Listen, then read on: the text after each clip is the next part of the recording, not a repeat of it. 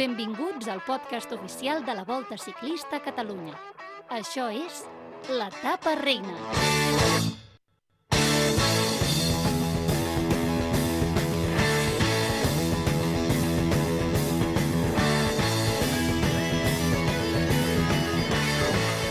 Què tal? Benvingudes i benvinguts al podcast oficial de la Revolta. Això és l'etapa reina i avui som aquí per resumir-vos, per explicar-vos, per parlar-vos de tot el que ha donat de si la quarta revolta. I ho farem intentant aportar coses noves, perquè segurament molts de vosaltres eh, ja vau poder seguir-la en directe, ja la vau poder seguir en directe. I recordem, la revolta ha pujat de categoria, ara és UCI 1.1, però el que jo considero més important, el pas endavant més bèstia que ha fet aquesta prova, és que es va emetre en directe per TV3, per tant va arribar molta més gent eh, que fins ara no arribava, com per exemple el Mico, que tinc aquí a l'estudi de Ràdio Molins de Rei, Roger Castillo, què tal? Ei, bona tarda, Lluís, com estàs? T'has pres un cafè avui, no? No m'agrada el cafè. Ves, pues avui te l'has pres. No, no. O te no, l'han no. donat, No me te n'he pres mai cap. No? Doncs avui vida, et veig eh? com espitós. Josep Montano, un home calmat, un home que veig eh, que puja i baixa palanques com una bèstia. Eh, a les vies de so. Eh, voleu començar aquest podcast que hauria de ser una festa de Baixona? No. Doncs començarem de Baixona, Oh. perquè aquest hauria de ser el darrer podcast oficial de la Volta a Catalunya d'enguany. En vam fer tres previs a la Volta, un post-volta, de valoració a la Volta, Sí. un pre-revolta, Sí? i aquest és el post-revolta. Va, això s'acaba. Això s'acaba, és al final d'un camí. Ostres. Però ojo, ojo perquè podem tenir Uah. podcast extra. Ja, ja m'ho durada de llàgrimes, ja ara mateix. Eh, ojo que podem tenir... Pod... Pugem, pugem, puja música, puja música. Eh, festa. Ja ho ha dit la cançó, eh?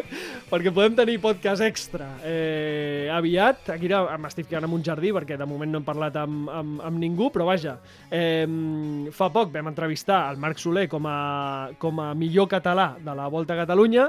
Jo crec que es mereixeria, per donar el mateix tracte a la Revolta que a la Volta, eh, una entrevista a la millor classificada catalana de la Revolta, que és L'Ariana. l'Ariana Gilabert. L'Ariana Gilabert. Una tia que, bueno, que ens enamora. Que, Doncs em que semblaria ens- perfecte, eh? Sí? Sí, m'agradaria molt parlar amb ella. Doncs va, ho intentarem fer, aviam si, si és possible. Ara mateix està corrent la, la Vuelta a Espanya, però ho intentarem fer. Per tant, eh, mm, agafem amb pinces això de que és l'últim podcast oficial de la, de la Volta i de la Revolta d'aquest any. Farem el que calgui perquè no s'acabi, això. Voleu començar? Sí, sisplau. Sentim sintonia. Som-hi!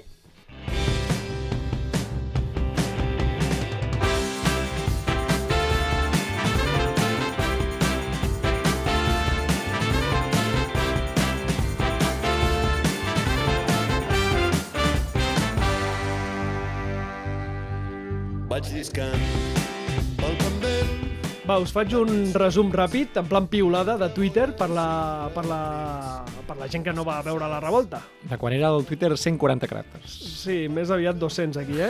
Revolta 2023 amb sortida i arribada a Sant Cugat del Vallès, tres ports de muntanya, el que s'esperava que fos decisiu ho va ser, la Creu d'Aragall, i abans de la cursa el pronòstic era que la victòria seria per la Clara.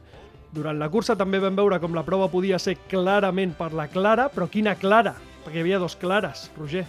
Buf, m'estàs fent un embolic de la Koppenburg? Parles de la Koppenburg? Mm, Jo parlava de l'Estils. De l'Stils, eh? Stils vol dir acer. I, i, i molt d'estil el de la bicicleta per guanyar aquesta cursa. No te l'he vist venir. No te l'he vist venir. Eh, L'ordinador em, em, em fa la traducció automàtica Sí, i em ficava eh, Clara Acers. Que, I, Sers. I he pensat, ostres, doncs és que va dominar la cursa amb, Amb mà de ferro. amb mà de ferro, eh? Vas veure la cursa? Evidentment, per TV3, com bé has dit. Per TV3. És un luxe gaudir de retransmissió televisiva en una cursa com aquesta, perquè és veure la cursa com si fos la millor cursa al planeta que ho ha d'acabar sent, i per tant això de debò que és un goig, i eh, llavors et permet això, des de les 12, 12 i poc que ja van entrar, doncs fins al final hi havia bastanta estona televisada, i va ser una bona cursa.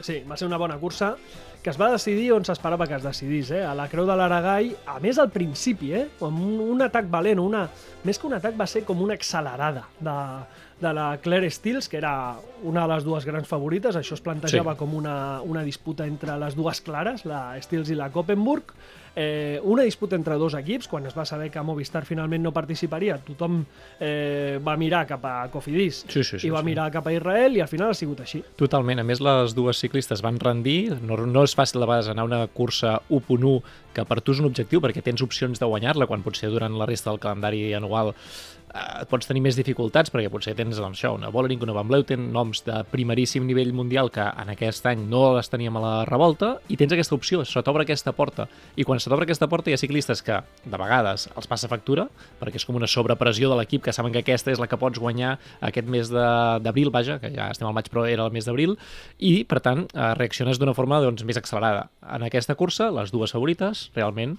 tenien clar on anaven i les dues van respondre bé. Evidentment n'hi ha una que es va mostrar molt més forta, però això ja són figues un altre panès. I l'important és que les dues candidates eh, van estar al davant i van respondre, van entrar primera i segona i així, i així va ser la cursa. diguéssim. Al final, eh, una cursa sense sorpreses en aquest sentit, però sí que amb una bona batalla al darrere que també va ser molt interessant per la lluita pel podi. Sí, bueno, la cursa ve d'una escapada, no? Eh, que l'escapada es mor, diguéssim, al, al principi de, del, del, del port. Eh, a l'escapada hi havia, per exemple, la Valeria Balgonen, aquest Bon nou debut, fitxatge. eh? Molt bon debut del Massi, eh? És un escàndol, eh? Sí, sí. És un escàndol.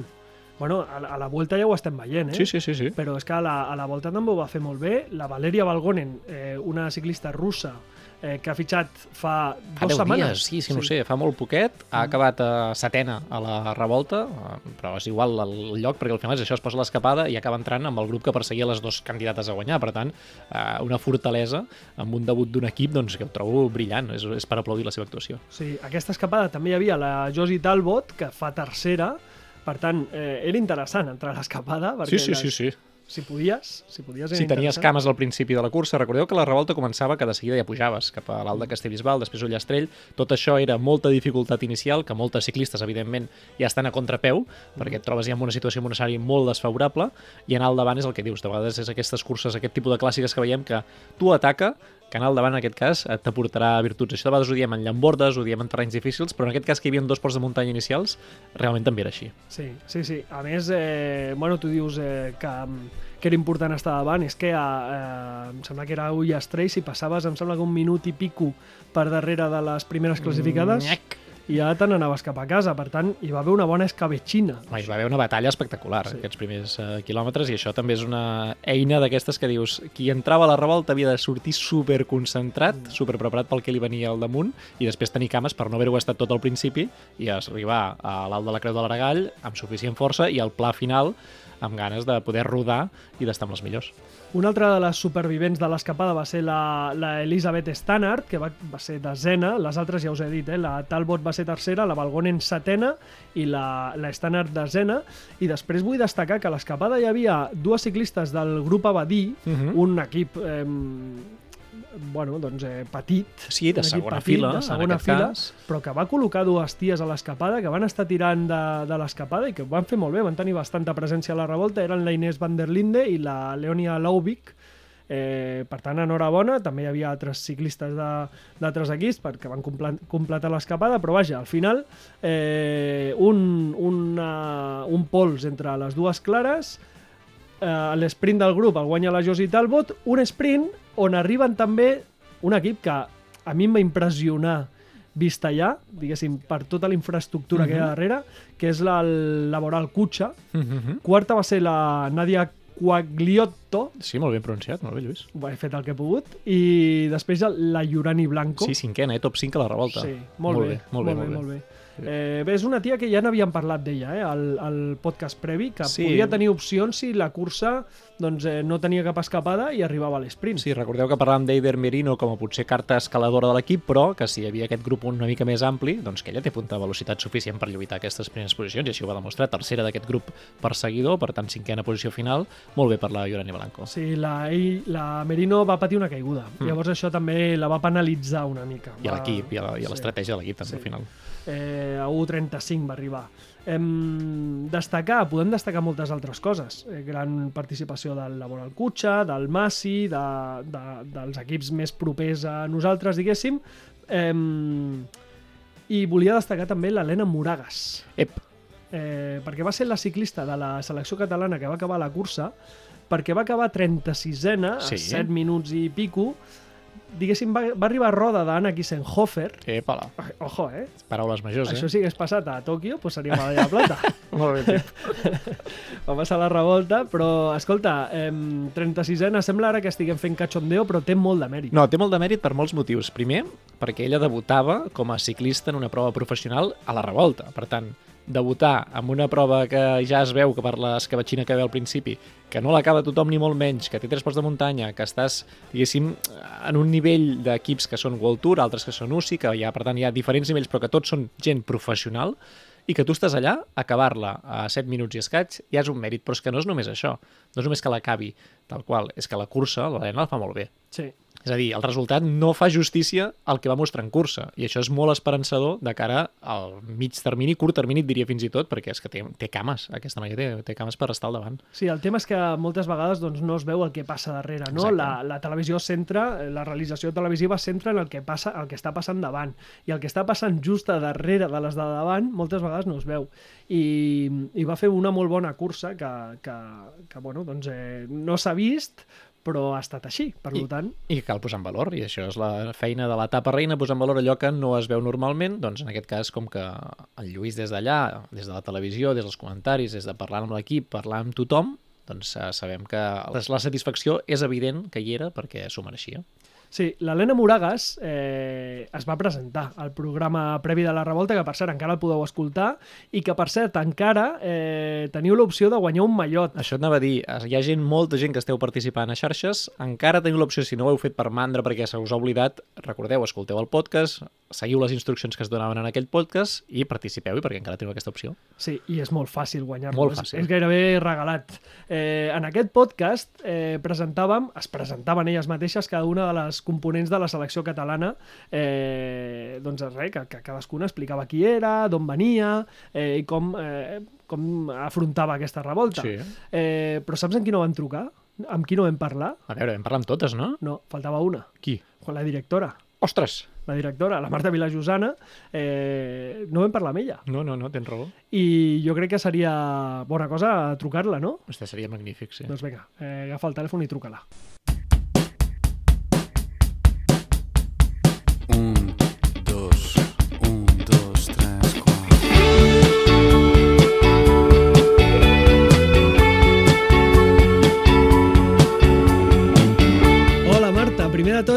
Agrair-te que ens hagis fet un forat per atendre'ns perquè estàs comentant la Vuelta a Espanya Esport 3 aquests dies, així que moltes gràcies i, i com estàs? Doncs mira, molt bé, molt contenta de veure tant, tant de tant ciclisme femení, no?, a casa nostra, i a la revolta, i ara a la volta, pues, molt emocionant. I, I veient com les catalanes, doncs, també poquet a poquet van pujant i agafant un bon nivell. Quin goig, eh? Sí, la veritat és que sí, i que ja era hora, Sí, que sí. ja era hora que ens donessin la, la visibilitat que es mereix el, el ciclisme femení. Escolta, com a, com a directora de la selecció catalana, com vas viure la cursa?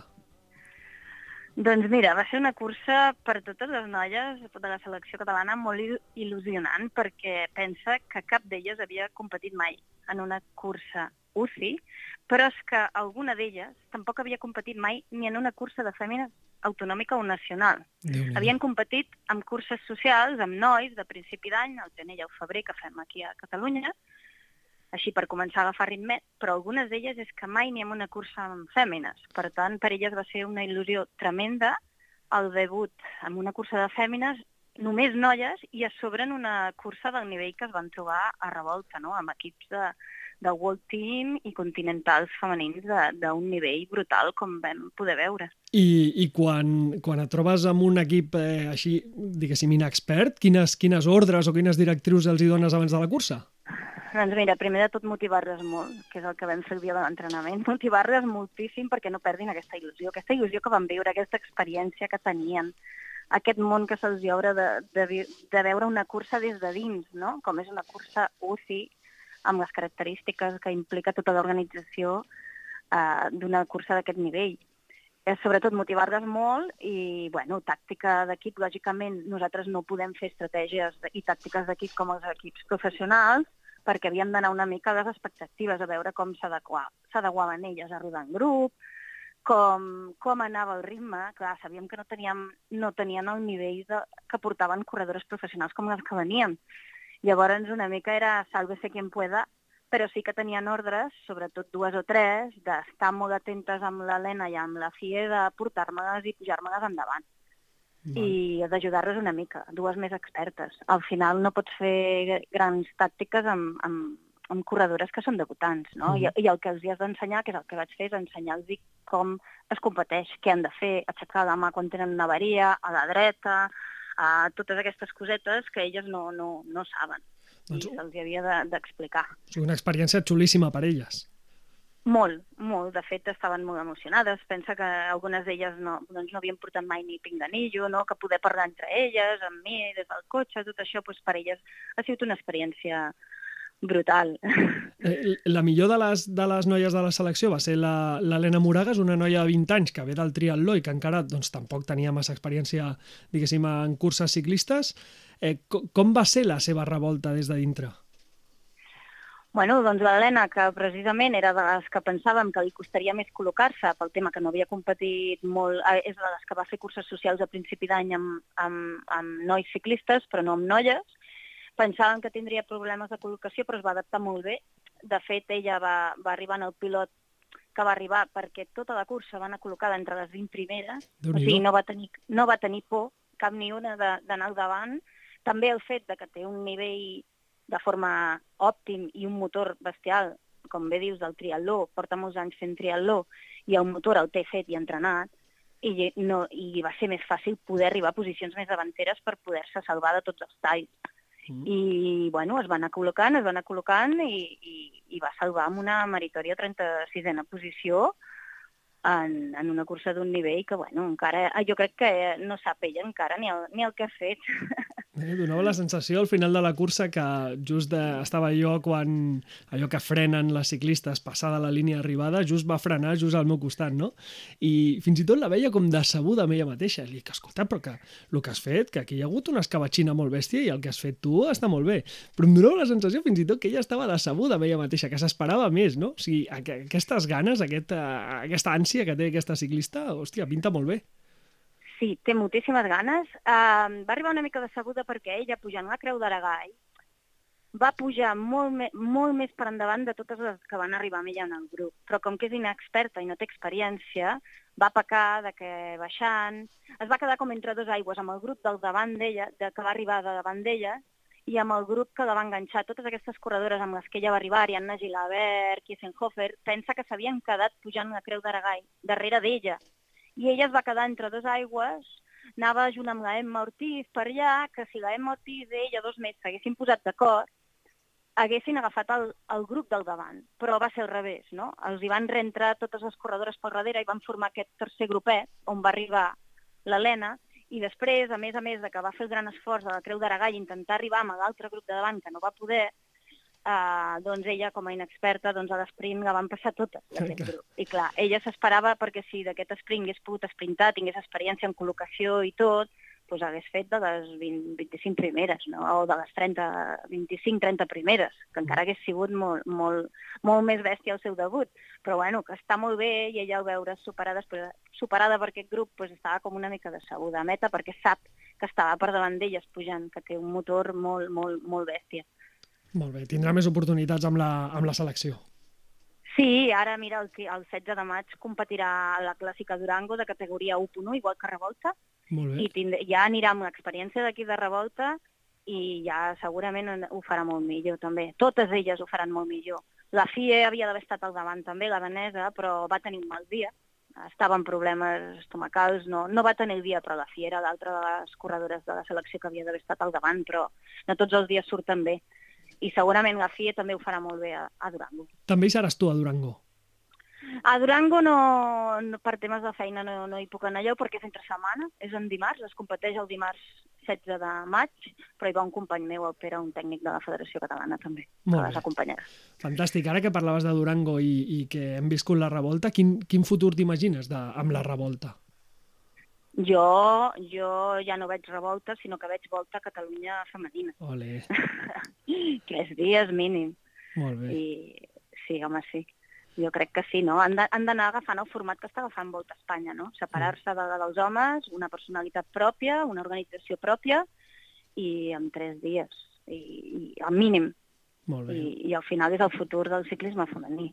Perquè així els, els grans equips comparteixen infra, infraestructures no coincidint en grans etapes a la vegada masculines i femenines, no? S'han de separar per poder aprofitar al màxim totes les infraestructures Molt bé. dels Doncs, equips. doncs tant de bo, tant de bo sigui així i hi hagi, eh, sigui possible eh, la- l'any que ve que tinguem una revolta, una revolta amb etapes, diguéssim. Una revolta femenina amb etapes. Eh, Marta, moltíssimes Doncs sí, gràcies. ojalà. A vosaltres. Moltíssimes gràcies, eh, perquè avui ho tenies complicat, ens has fet aquest espai i res, ara t'escoltarem dintre una estona Sí. a, a Esport 3. Que, que Sí, és- sí, estic aquí a les portes de, de TV3 entrant a l'estudi i per cert que es preveu una etapa que ja està molt moguda i tot trencat pel vent. Avui es, preven, es preveien ventalls i s'han complert. El vent està bufant de bo i, i està l'etapa molt, molt emocionant. Ah, fantàstic, doncs mira, doncs ara estarem pendents de, de l'Esport 3, de que ens narris eh, aquesta etapa. Moltíssimes gràcies, Marta, A vosaltres. que vagi molt bé. Adéu, adéu. Houston, Houston, no hi ha ni un problema. Els propulsors a foc i un pari a la cabina perquè Houston, Houston, no hi ha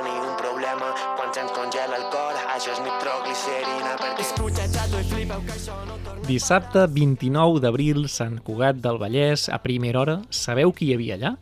Hi havia en Lluís Àries. Aquí estava jo.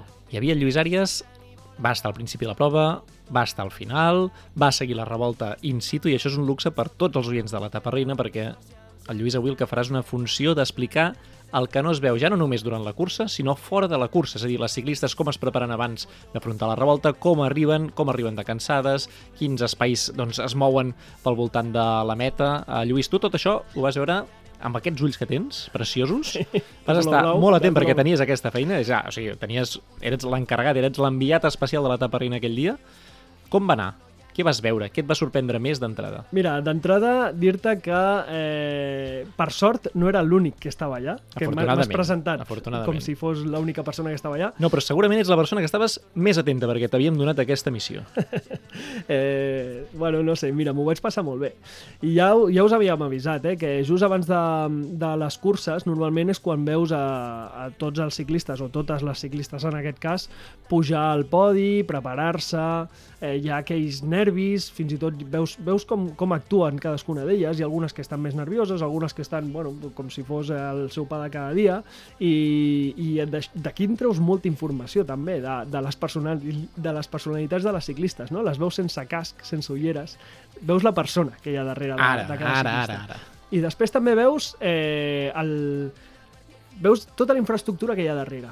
Que això és molt interessant perquè eh, veus com moltes d'elles van a la guerra amb un escuradents. I, I això impressiona molt. Perquè... En aquest cas, dir un escuradents no és estar tan lluny de la veritat, eh? No, sí, no, sí. perquè realment hi ha algunes que doncs, tenen poc, eh, diguéssim, poca estructura al darrere per poder afrontar curses professionals encara, a dia Sí. d'avui. Clar, tu t'imagines aquest ciclisme històric on eh, els, el, bueno, les llegendes del ciclisme de principis de segle se n'anaven al Tour de França i anaven amb els tubulars, diguéssim, penjant i havien d'entrar en un bar a buscar aigua.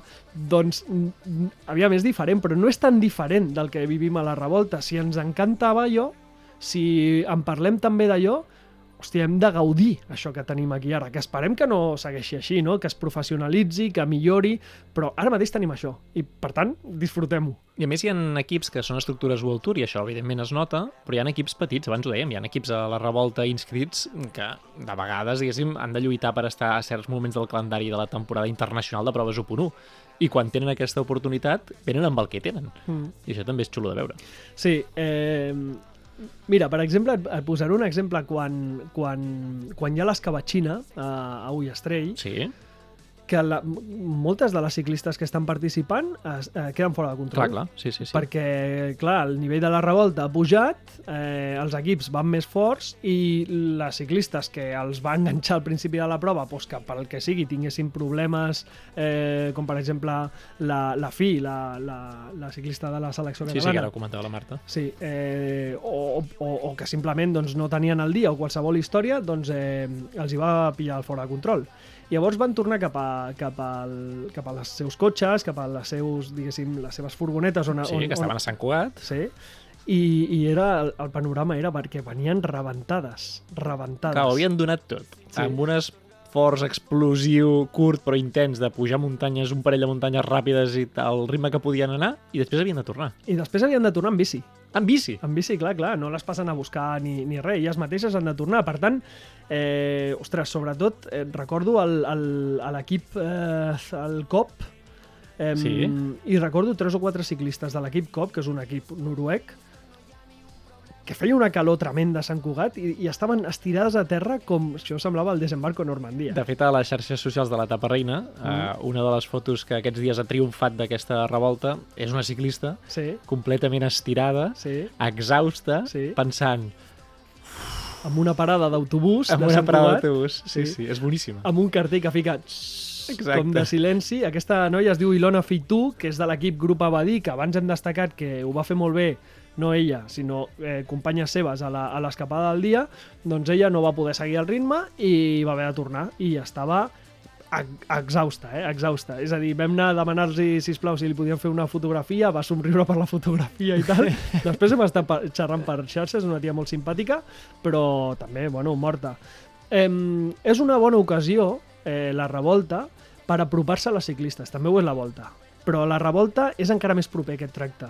Bé, és, és molt interessant això perquè les dues curses ho mantenen. O sigui, amb la Volta ja sabeu que té la història que té al darrere i té tot el llegat, és cursa, cursa World Tour, una de les que és objectiu de temporada per alguns ciclistes, i tot i així manté això, és molt bo que la revolta comenci per aquesta banda. Sí. Perquè ah, això, aquest accés, aquesta accessibilitat, facilitat de poder parlar amb elles, de poder tenir aquest espai com de calma un dia de competició, és que ho trobes en tan pocs esports Mm. que és eh, un regal poder anar, en el nostre cas, a un poble que està molt a prop d'aquí, Sí. xerrar-hi una estona, a intercanviar-hi opinions, intercanviar-hi parers. Si sou aficionats a l'esport, és un gran dia també per vosaltres per poder saber una miqueta més de primera mà que es couen el ciclisme femení. Mm.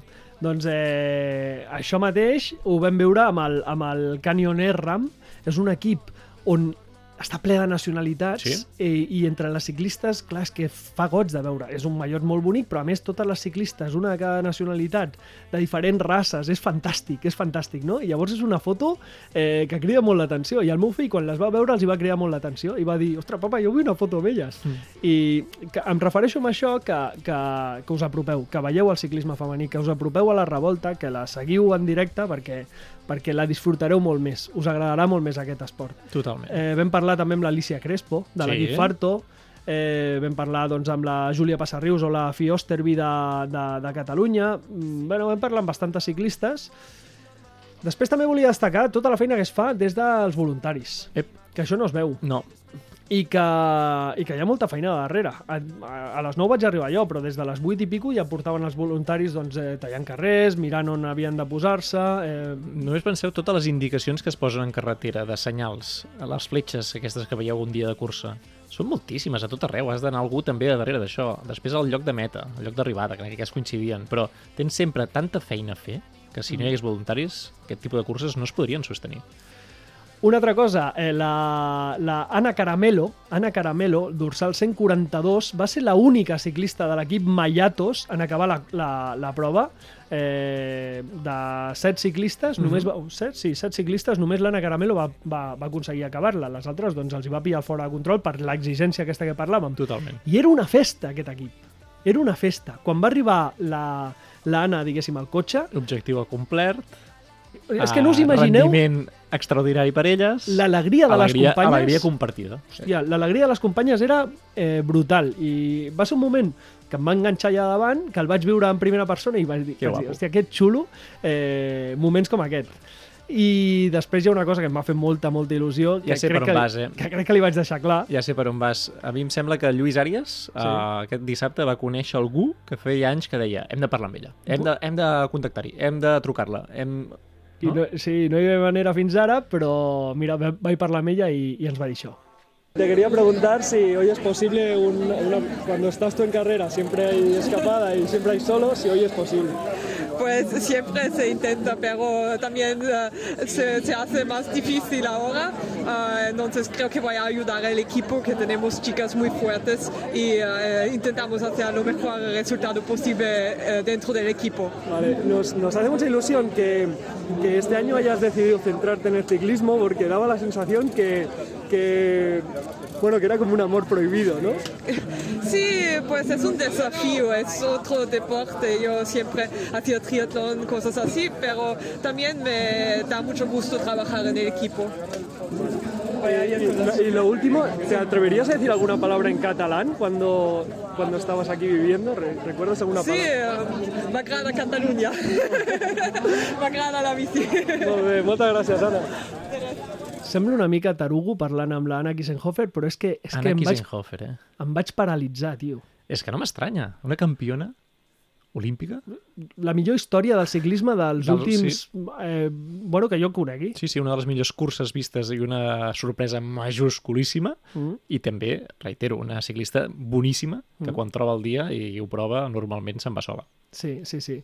I t'ho juro que em vaig... O sigui, és, Es podria nota, ser... es nota per la veu, es nota Sí. sí. pel to, és que és, és així, però és que jo reitero per tots els oients de la taparrina, el Lluís això feia molt de temps que li feia il·lusió poder Sí. parlar amb ella i, Sí, sí. i així ho va tenir davant seu a la revolta, fantàstic. Sí, gràcies a la revolta. Eh, bueno, doncs hem parlat amb la, amb la selecció, seleccionadora de Catalunya, Sí. hem parlat de tot el que hi ha darrere de la revolta, Evidentment. i jo crec que si aquest ha de ser l'últim podcast eh, oficial de la Volta a Catalunya Sí, i la sí. revolta, podríem trucar també al, al director de la prova. Home, podríem fer balanç, no? Podríem fer balanç? Sí. Doncs vinga, som-hi. Senyor Rubén Peris, director general de la Volta a Catalunya, com va? Què tal? Molt bé, bona tarda. Ja està, ja ens ho hem tret de sobre, ja ha passat la volta, la revolta, com va aquesta descompressió després de les dues proves? Home, la veritat és que molt bé, o sigui que et sents molt, molt alleugerat eh, perquè la, la veritat és que estem molt contents de com ha anat tot, o sigui, totes les, eh, tots els, els, els missatges que rebem, tots els inputs que rebem són positius, estem molt contents, però això ens fa també que, que pensem ja en el futur i en, i en anar millorant. Jo, jo volia aprofitar perquè m'expliqués com heu viscut des de l'organització la Volta a Catalunya 2023 i també la, la quarta revolta. Quina valoració eh, feu de les dues curses? Nosaltres estem molt satisfets, eh, però sense caure amb, amb una vanaglòria que no, que no ha de ser. O sigui, hem d'estar contents de la, de la tasca que s'ha fet, estem contents de la feina que s'ha fet, estem contents dels resultats esportius, però això també ens esperona a treballar i a pensar en el futur. I ja sé que és un tòpic que arribar costa, costa poc i s'ha de consolidar, doncs el mateix és nosaltres, vull dir, ens hem de mantenir en aquesta línia i seguir treballant perquè la volta continuï amb la seva línia que està, la revolta continuï amb la seva línia i que, a més a més, augmenti i que anem a més.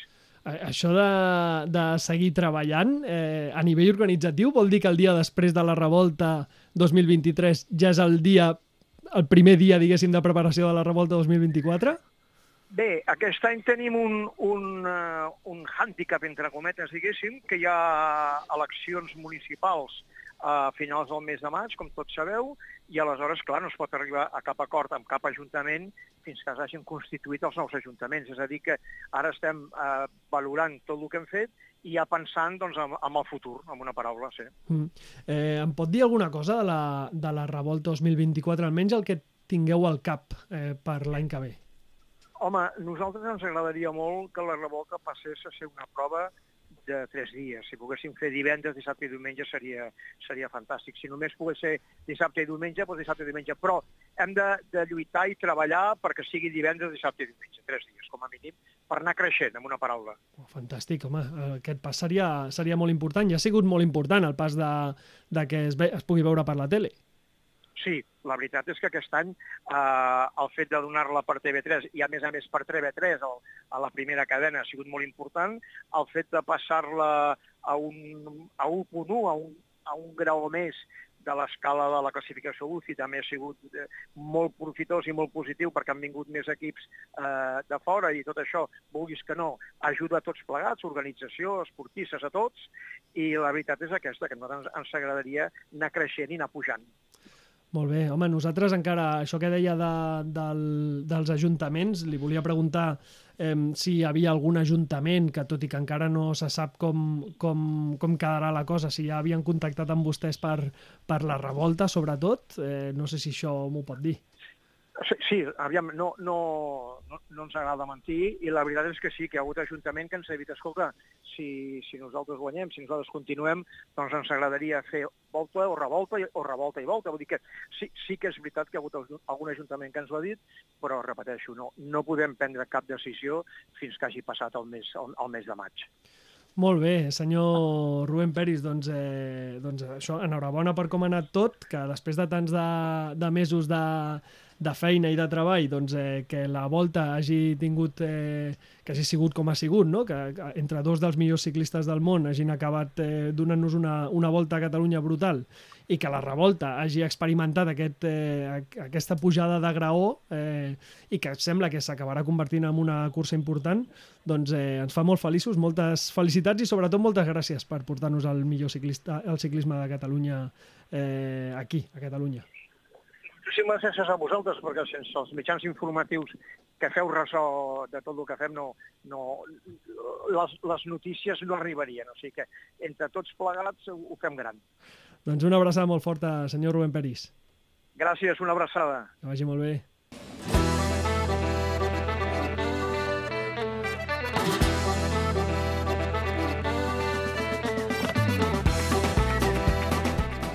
Doncs ara sí, eh? això arriba al final, Sí. Roger. Sí, sí, sí. Jo saps què he fet ara? Obrir el calendari del mòbil. Sí? Estic a març de 2024 ja mirant dates, calculant quan serà la propera volta ciclista a Catalunya i mirant-me quins dies podrien ser bons per una revolta de 3 dies. Oh, ostres, eh, m'il·lusiona molt, eh? eh? O sigui, el tema de la Volta a Catalunya ens ho hem passat molt, molt, molt, molt bé, molt bé, sí, sí. El que passa és que, clar, la Volta ja la, ja la tenim, ja és nostra, ja té el nivell, ja està, ja està consolidada i tal. És que de vegades il·lusiona més ajudar o contribuir o acompanyar quan creix una cosa, no? Sí. Quan és una iniciativa nova, que és molt recent encara la revolta per dir, està molt considerat, no, no, quatre edicions, només quatre edicions i estem ja a aquest nivell. Llavors, si l'any que ve fa aquest passet que l'organització, mm, ara el Rubén Pérez ho ha, ho ha dit clarament, ho van dir també a la presentació que tenien ganes d'aquest eh, objectiu anar-lo assolint aviat, per tant, ja sabem que el 2024 tenen ganes de que sigui una prova de 3 dies. Si tot això es pot anar acompanyant, seguint, veient com creix, és que és una mica nostra també, no? És Sí. aquell punt de- d'anar-ho veient en directe. Sí, sí, sí, sí, sí. Home, aviam, eh, tant, el, tant el senyor Rubén Peris com tota la gent de la Volta suposo que està treballant moltíssim perquè això tiri endavant. Ara falta pasta. Falta pasta que suposo que les, la, que hi ha sobretot pasta privada, jo crec, eh? que, que, que entrin eh, bons patrocinadors per fer això possible. I a més ara ja tens una, una carta que és, no, no, és que l'últim any era una prova 1.1, hi havia un sol equip World Tour al final i ja estava retransmesa no per Esport 3, sinó per TV3. Sí. I això ja vas allà a parlar amb qui sigui també amb aquesta carta sobre la taula. Crec que és molt interessant aquest pas que s'ha fet i pot ser molt, molt important de cara a aquest creixement proper de la, de la revolta i tant. Eh, L'any que ve creus que tindrem podcast? Bueno, això no ho sabem. Ai, això. No? Això no ho sabem. Tant de bo perquè jo m'he passat molt bé fent el podcast de la volta, de la revolta, de tots aquests que hem fet, que per nosaltres era com una obligació dir "Ei, que hem de fer allò, recordem-ho, mm. pensem com l'enfoquem, era una manera de, com creativa de pensar un podcast diferent del que és l'etapa reina habitual, i crec que ha estat un repte i ens ho hem passat bé, no sé si ens n'hem sortit prou bé o no, però en tot cas ens ho hem passat bé fent-lo, que això és el més important, que no ha estat cap càrrega, que no ha estat allò de dir, ostres, toca... No, no, al contrari, ens ha vingut com molt, molt de gust, i realment ha estat uns mesos frenètics, però molt benvinguts. Molt enriquidors. Molt. Jo he après molt, la veritat. I m'ho he passat Molts molt idiomes, també, Lluís. Sí. Això no. Això no he après res. Ja, o sigui, he fet el ridícul més públicament, diguéssim. Ara et sí. coneix eh, tot Catalunya ciclista, diguem-ho així. Eh, el que sí que vull és agrair a tots els voluntaris que fan possible la volta i, i la revolta, perquè sí que els hem vist eh, currar i curren molt i curren de valent i fan possible doncs això, que tinguéssim els, els millors i les millors ciclistes del, del món aquí a Catalunya i volíem agrair eh, doncs al senyor Peris també, però amb, el, amb els que hem tingut més contacte nosaltres, no ens volem oblidar ningú, però sobretot el Víctor Mur, que és el secretari general de la Volta, i l'Albert Rabadan, que és el responsable de premsa, que som uns pelmes, que li hem, els hem donat el conyazo durant un, unes quantes setmanes, Jo crec que aquesta hora ja tens el, el mòbil teu està bloquejat, ja.